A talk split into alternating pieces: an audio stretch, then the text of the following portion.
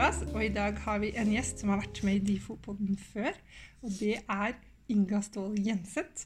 Og temaet for denne podkasten er analysepraksis. Som er en spennende ting vi har på ILS. Så Inga, det første spørsmålet til deg er om du kan si litt om eh, dette konseptet med analysepraksis. Hva er det for noe? Det kan jeg prøve å si litt om. Eh, analysepraksis er jo da eh, fem dager av praksisen i niende semester på lektorprogrammet. Eh, og dette er en, eh, en praksisform eh, som ble utvikla for tre år siden, er det det, Marte? Ja. Eh, og, og, som jo da er praksis på campus, som er litt spesielt. Eh, men bakgrunnen for det er jo eh, at vi vet, både fra internasjonal forskning, men òg jeg vil tro at lærerstudentene sjøl kjenner seg igjen i det òg, at uh, praksiserfaringene er jo veldig varierende, og man har ulike opplevelser av det å være i praksis. Um, vi vet at lærerstudenter trenger veldig tett oppfølging for å ha gode læringsopplevelser i, i praksis, når de er ute i praksis i skolene. Sånn at eh, det, det, er flere og flere som etter hvert argumenterer for at det kan være gode grunner til å tenke at, eh, at disse her praksiserfaringene eller lærings, eh, læringserfaringene kan være like gode med å å på en måte ha et veldig strukturert blikk på, på, mm, på, data fra praksis, eller artefakter fra praksis, og få tett oppfølging på campus for å vite eh, hva man skal se etter, og hvilke briller man skal ha på, og, og hva man da ser. Så det var egentlig utgangspunktet for at vi eh, utvikla analysepraksisuka. Mm. Um, så dette er, det er på en måte praksis, men på Blindern, ikke ute på skolene? ja, Man kan jo diskutere, selvfølgelig. Vi mener jo at det er praksis. Det ligger jo inne som fem praksisdager. Og så er det jo selvfølgelig Det blir en annen det, det, blir jo en annen øh, Hvis man tenker som altså, Praksis i lektorprogrammet, eller praksis mm. i lærerutdanninga generelt, er jo eh, For det første eh, så, så, tenker man jo at det som er viktig med praksis for lærerstudenter, er jo både at man skal ut og observere og se andre lærere og se eh, forhåpentligvis eksemplarisk undervisning. Eh, men i hvert fall undervisning som man kan på en måte dissekere og snakke om og få støtte av veileder til å forstå og, og gjøre mening av. Så den observasjonsbiten av praksis er jo veldig viktig. Og så er det jo det å få øve seg i praksis og utføre praksis mm. sjøl, og øve på ting man kanskje har snakka om på campus, eller øve på ting eh, man er enig med veileder om at 'dette trenger jeg å øve meg på'. Og den øvelsesbiten får man jo ikke i analysepraksis, men den observasjonsbiten får man i veldig, veldig stor grad, og kanskje enda mer systematisk enn det veldig mange tidligere erfarer når de er ute i praksis. Mm. Så kan det jo eh, hende Og så en ting til. Eh, fordi en annen ting som er veldig viktig med, med mm, praksis i lektorprogrammet og på, og på lærerutdanning generelt, er jo at man sier at den skal være veileder og ha progresjon. Ja. Sånn at eh, på lektorprogrammet så starter man jo med en type praksis på Proff 1015, mm. eh, der man er ute og observerer én elev, man har fredagspraksis, og man er ute og har veldig, liksom, eh, veldig små, eh, men hyppige møter med, med praksis. Også på Proff 3025 og 4045 så, så, blir det jo på en måte lengre perioder, og man skal bli mer og mer på en måte uavhengig av av veileder og til slutt på en måte stå mm. alene i klasserommet. Sånn at når analysepraksis kommer i niende semester, så er vi jo på en måte i Altså, hva, hva, er neste skritt i progresjonen da, når man har vært i åtte ukers praksis og stått alene i klasserommet? Så, så, er jo på en måte det der å skifte På 10-15 så skal man skifte blikket fra å være elev til å bli lærer.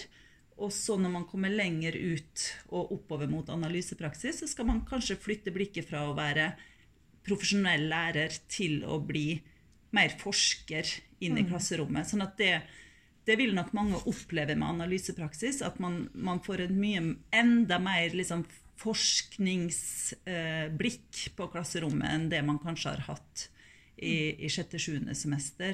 Og, og, at det er en veldig sånn tilnærming til masteroppgaven og det som kommer i niende-tiende semester. Ja, og det, akkurat det er jo også en, en, av grunnene til at dette er lagt som praksis i metodeemnet. Eh, for du sa i stad at, eh, at, man kanskje ikke får øve på lærerrollen sånn som studentene er vant til. Altså det, det å stå i, klasserommet og ha undervisning, f.eks. Eh, men man, vi håper jo og tror, basert på tidligere erfaringer, at de får øve på en del andre ting i analysepraksis som er relevant både for masterskrivingen, og det er jo de evalueringene vi har på analysepraksis sier veldig tydelig at dette har vært kjemperelevant for egen master. Eh, men vi mener jo også at det er en del ting som er relevante her for framtidig yrkesutøvelse, som handler om, om analyse og det å, å, kunne observere systematisk og bruke data fra klasserommet. Mm. Eh, og det kommer vi jo litt tilbake til. Men kan du si noe om eh, hva det er vi håper litt sånn overordna. Hva er det studentene skal lære gjennom eh, denne uka med analysepraksis? Hva skal de bli bedre på? Jeg, jeg tror at det vi på en måte tenker den uka her skal hjelpe dem til, er jo øh, øh, Ofte så har vi kanskje ramma det inn i en sånn at 'learning to notice' er et sånt begrep fra forskningsverdenen. men og, det handler om å lære seg å legge merke til, altså lære seg å skille vesentlige fra uvesentlige ting i klasserommet. Så det å greie å liksom Eh, peke på og plukke fram hendelser i, i videoer, f.eks., mm. som vi bruker mye i analysepraksis. Og greie å skille vesentlige fra uvesentlige hendelser. Så det å, å lære seg å legge merke til og å analysere. Sånn at det, det handler liksom om det her analytiske og systematiske blikket eh, på, på undervisning og sånn som du er inne på, i spennet mellom på en måte, Både som et verktøy for å være en profesjonell lærer og tilegne seg en sånn type systematikk til egen praksis, mm. men òg eh, som en sånn øvelse i, i, i egentlig det den ferdigheten det er å være forsker. Mm. For det er jo en veldig sånn praktisk greie som man må øve seg på, sånn som du var inne på. Uh, og jeg tror nok at det er det veldig mange sitter igjen med etter analysepraksis. At uh, det å kode og det mm. å liksom uh, finne kategorier når, man skal analysere de dataene man får utdelt mm. Ja, tror jeg så, ja.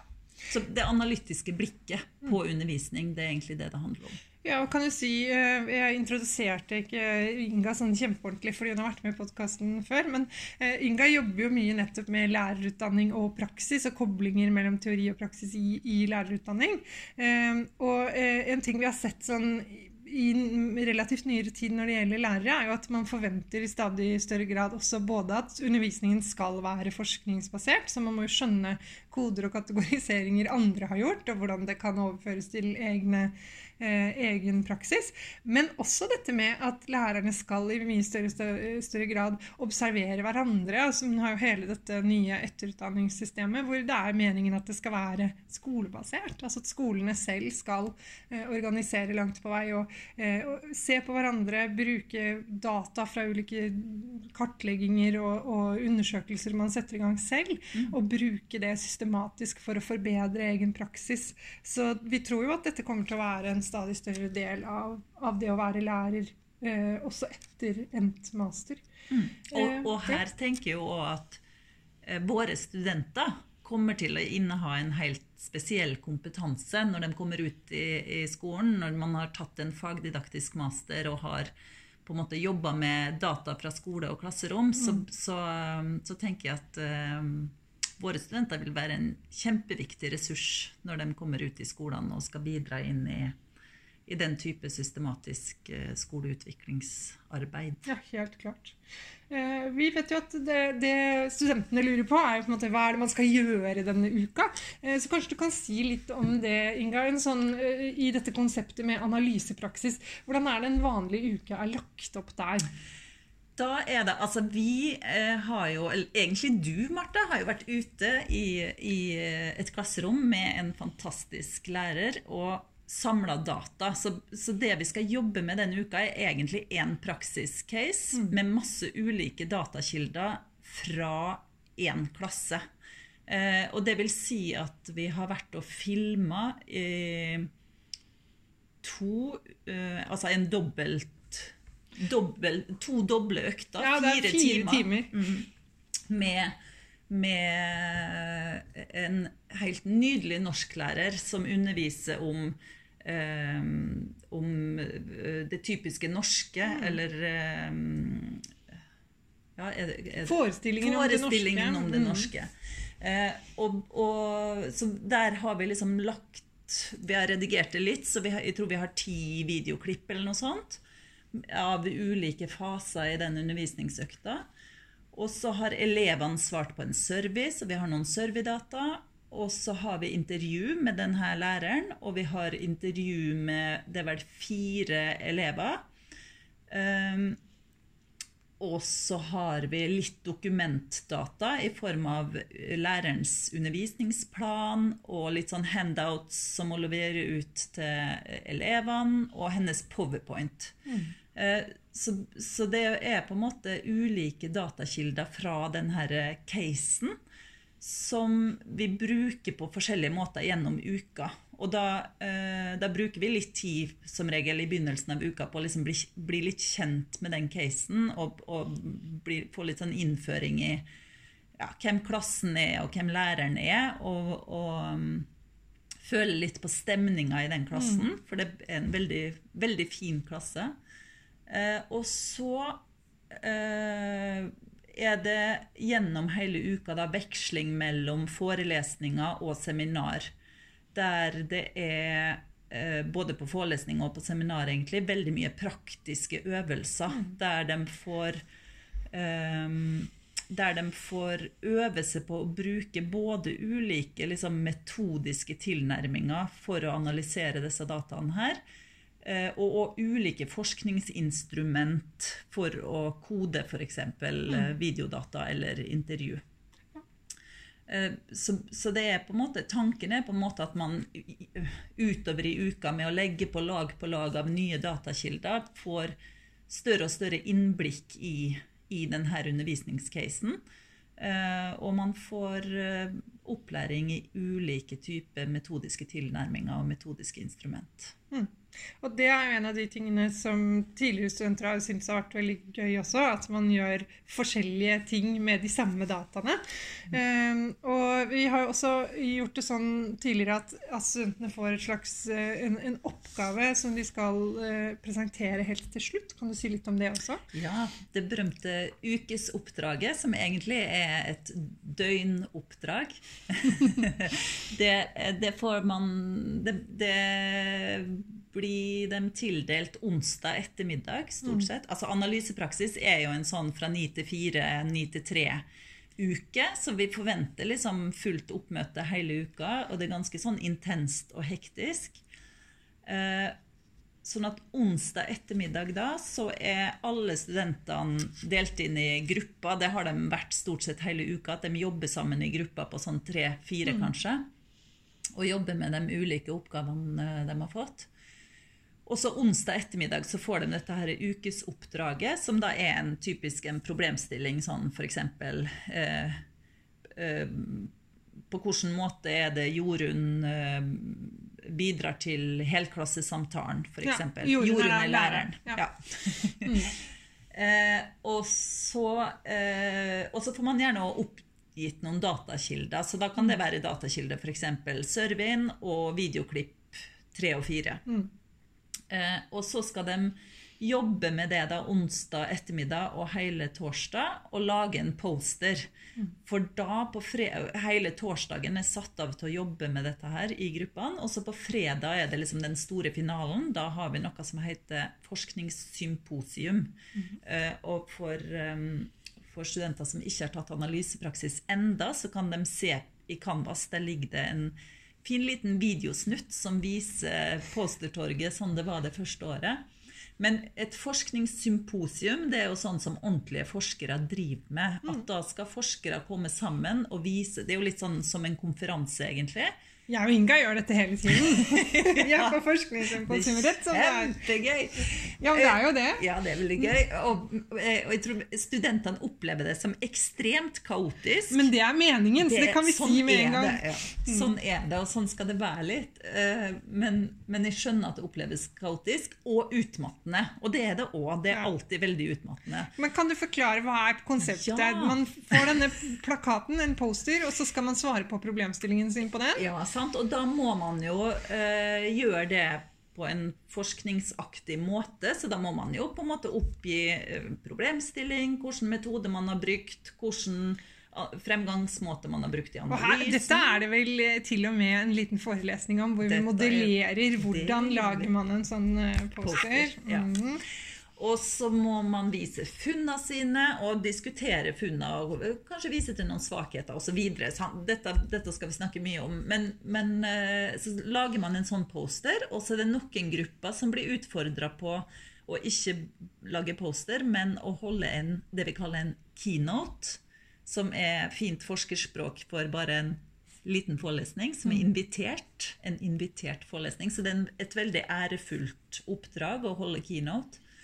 Eh, Men da får man litt lengre tid, og så lager man en powerpoint eller presi eller noe sånt. Og Sånn på- presenterer for alle. ja, på fredagen når vi da møtes eh, til forskningssymposium, så er det jo da eh, postere som er satt opp i foajeen på Helga Eng, der alle gruppene skal presentere sin poster. Da får man sånn typ tre minutter til å si noe veldig kjapt. Så det må man jo øve seg på på forhånd. Hva man skal si, hva er det viktige, hvordan skal jeg få folk til å fatte interesse og bli hengende igjen ved posteren for å lese mer om hva vi faktisk har funnet ut. Eh, og så har vi et sånt maratonløp gjennom kanskje en ti postere før vi går inn i forelesningssalen og får en keynote eller to. Og så må man jo da stille spørsmål til hverandres forskning osv. Så, det er en ganske sånn fin avslutning på analysepraksisdagen. Men har alle disse, alle disse posterne eh, forskjellige problemstillinger? Ja, Ja. det har de. Men nei, faktisk noen har like problemstillinger, men ulike datakilder, f.eks. Som jo òg kan være litt uh, artig å se om man da får samme svar. Mm.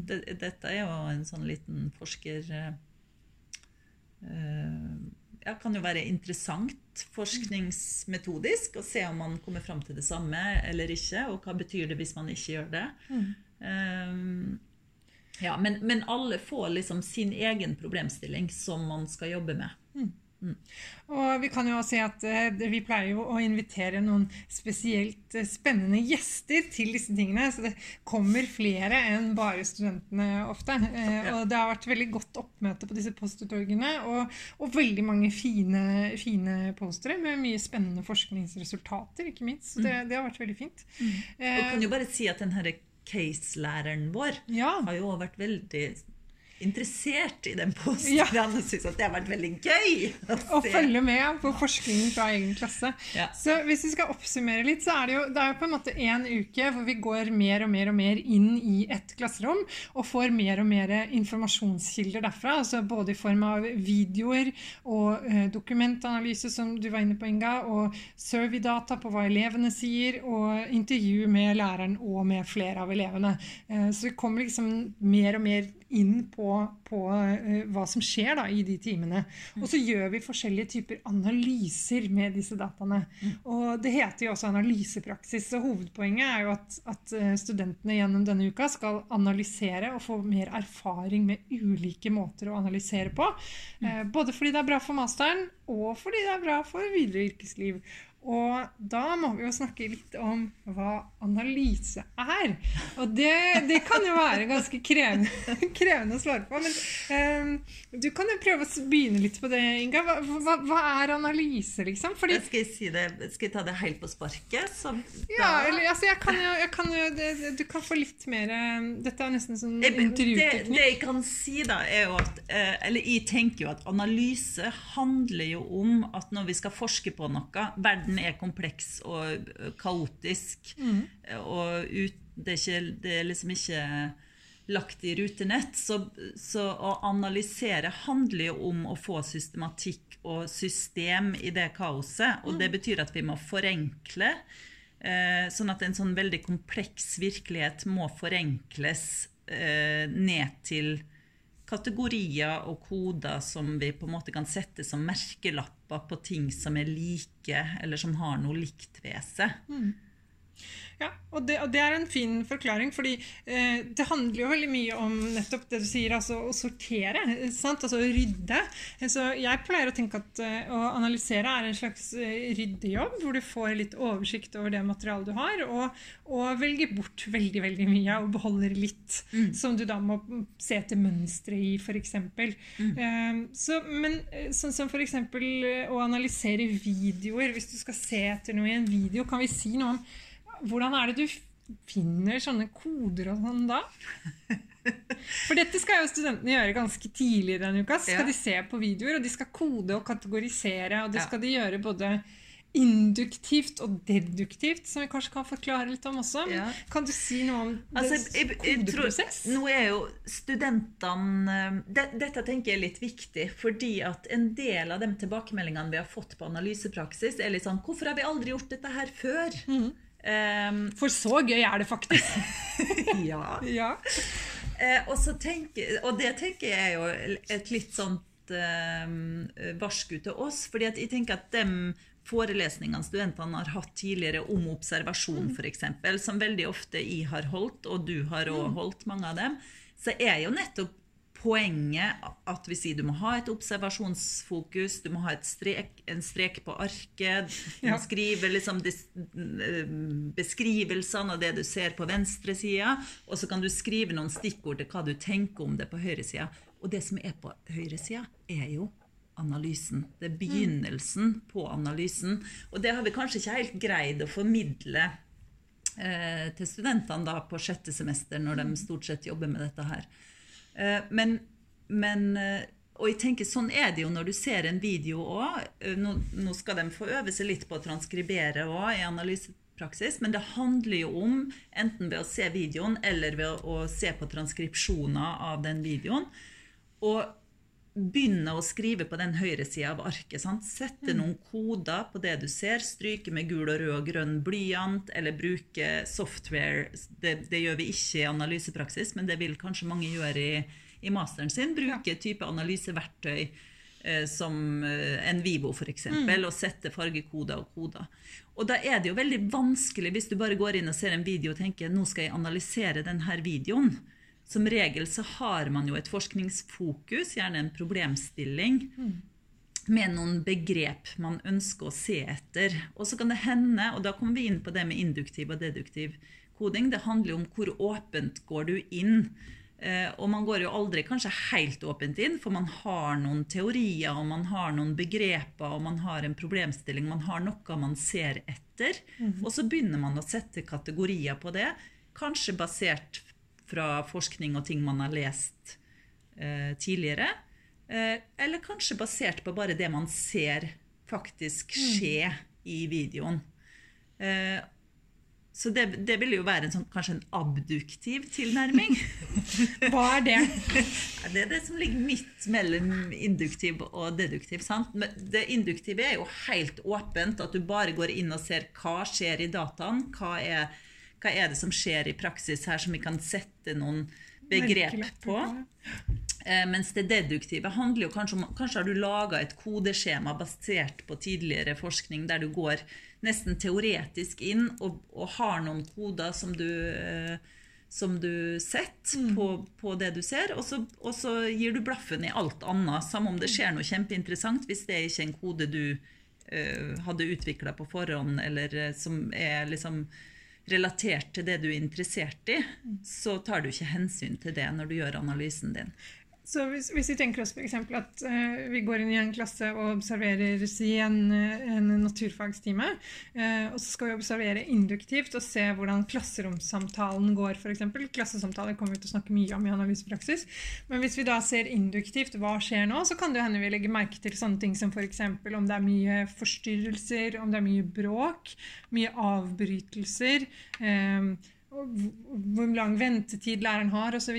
Mens hvis vi hadde gått inn med bare på en måte deduktivt uh, skille mellom, altså som er et vanlig skille i denne forskningen, mm. mellom åpne og lukka spørsmål f.eks., mm. så kan det hende vi hadde oversett f.eks. om det er mye bråk, om det er mye mm. avbrytelser, mm. sånne ting. Eller sånn som lektorstudentene kjenner jo til det, man har i hvert fall hatt pensum i pedagogikk på, på sjette semester, så hadde de en artikkel som heter Talk Science Primer, mm, som handler om sant, ni forskjellige talk moves mm. som læreren kan gjøre. Og det kan man tenke seg, det kunne vært ni kategorier som man ønsker å se etter. Og da ser man bare etter de ni kategoriene, og så legger man ikke merke til sånne ting som om det er utenomfaglig snakk mm. mellom elevene, eller om det er faglig snakk mellom elevene, f.eks. Det er ikke en kode som man da ville være opptatt av. Ja, om de ler kanskje, himler med øynene, litt sånne type ting, vil ja. kanskje bare bli borte. Ja. Mm. ja. Uh, og, Noe av det som er spennende med analysepraksis, er at vi kommer jo til å jobbe både induktivt og deduktivt, og kanskje abduktivt også, uh, på de samme dataene, og, og få erfare litt hvordan forskjellene er. Mm. Mm. Ehm, hvorfor, hvorfor, tenker du at det er viktig at lærere skal kunne analysere undervisning? Eh, hvis, hvis de skal, altså hvorfor må de kunne det? Se på andres undervisning og, og analysere den? Jeg tenker jo at, eh, altså, tenker at det, det er viktig at eh, det er jo ikke sånn at alle lærere skal gå rundt og være klasseromsforskere, på en måte. Eh, eh, våre lærerstudenter og alle lærerstudenter skal nå skrive en master, så på et eller annet vis så skal de jo gjøre en, en, eh, en masteroppgave eh, som, som, er et stykke forskningsarbeid, på mm. sitt vis. Men, men, eh, men lærere skal ikke være forskere. Mm. Men, men, det handler om egentlig det som vi snakka om helt til å begynne med, at det handler om å på en måte benytte en del sånne forskerverktøy til å få en mer profesjonell praksis og et profesjonelt blikk på sin egen praksis. Så det å på en måte kunne tilnærme seg en del sånne på en måte forskerpraksiser som lærer, det, det vil være viktig for å, for å på en måte for å bli mer profesjonell, da, og, og for, å, for, å, på en måte få den avstanden. Sant? For som lærer så er du jo ekstremt liksom inni din egen praksis, og alt, alt liksom er Det skjer veldig fort, det skjer mange ting på en gang. Det er, du er veldig opptatt av den eleven du vet har det kjipt hjemme, eller den som har kjærlighetssorg, eller det er liksom veldig mye, samtidig med at du eh, skal holde på med fagfornyelse og alt mulig eh, mm. samtidig. Sånn at det å få noen verktøy for å greie å liksom få, få litt avstand fra det man liksom står veldig i med begge beina samtidig, eh, det er viktig for å for å ikke liksom bare bli slukt inn i, i, i, litt sånne hverdagsoppfatning av hva som skjer i klasserommet sitt, men faktisk greie å, å, å få et litt mer sånn ja, systematisk blikk på det som skjer.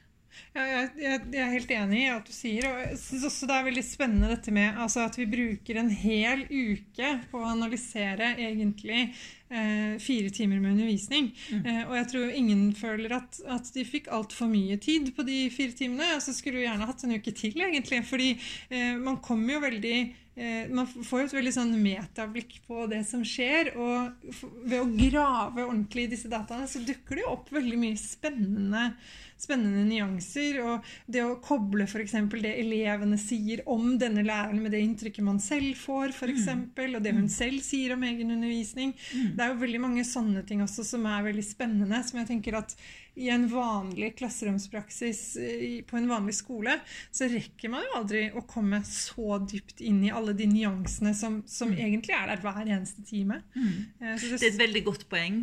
Det, for det første den der at man får lov til å være helt sånn toskete, nerdete, mm. og bare grave seg langt, langt inn i en detalj som tar 20 sekunder i klasserommet, og så kan man snakke om det i to timer. Mm. på en måte.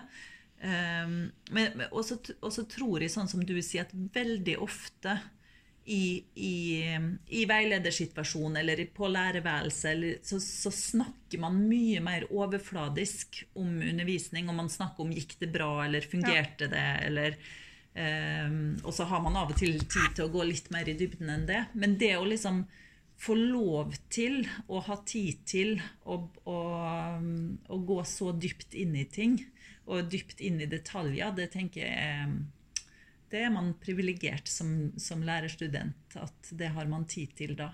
Ja, Det, det syns jeg også. Og jeg, syns også det er veldig spennende at vi har både Eh, videodata. For det er jo, våre studenter er jo nesten bortskjemt når det gjelder videodata. Vi har jo veldig mye bra tilgang til videodata på ILS, som mm. er nyere og fra norsk skole. Mm. Eh, men det vi også har her, er jo nettopp intervju med både lærerne og elevene, som kan være fint å se litt i sammenheng på hva er bevisste ting læreren mm. gjør, og hva er bare personlig stil, f.eks. Mm. Så mm. mye sånt som er, eh, mm. Og det, er det du er inne på nå, det handler jo om triangulering, som er et sånt uh, et poeng òg i analysepraksis at vi, vi, triangulerer med å se på ulike datakilder, vi, mm. som vi egentlig allerede har snakka om. Sant? Hvis man bruker samme problemstilling og ser bare på videodata, får du da samme svar.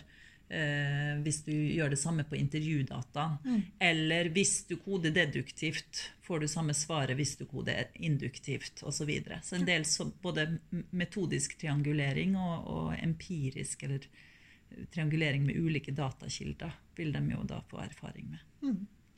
Uh, og det er, så det er, det er, på en måte hele uka kort fortalt. Uh, og vi kan jo si at de gangene vi har gjort dette før, så har det jo gått veldig bra. Syns vi ikke det, Inga? Jeg syns det.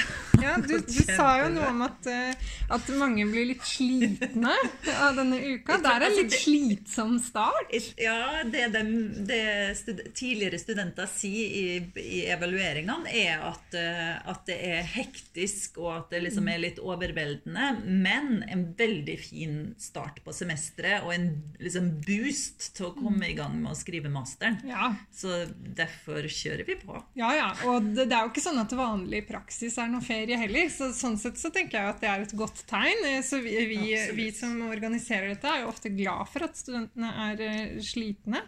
Uh, fordi at man lærer mye. Altså, det er jo intenst. Og det, sånn er jo forskningsarbeid også. Det, og, og masterskriving. Det er jo ganske intense økter. Mm. Uh, men vi gleder oss veldig, og håper analysepraksis blir kjempebra i, år også. Mm. Har du noen avsluttende ord om analysepraksis? Uh, nei. det er lov. Inga, jeg kan jo nevne igjen at forrige gang Inga var med på podkast, så spurte jeg om det var noe mer hun ville si, og så sa hun nei. Eh, men det var det selvfølgelig. Men denne gangen så mener vi alvor eh, når vi sier takk for i dag, og vi ses igjen snart til analysepraksis.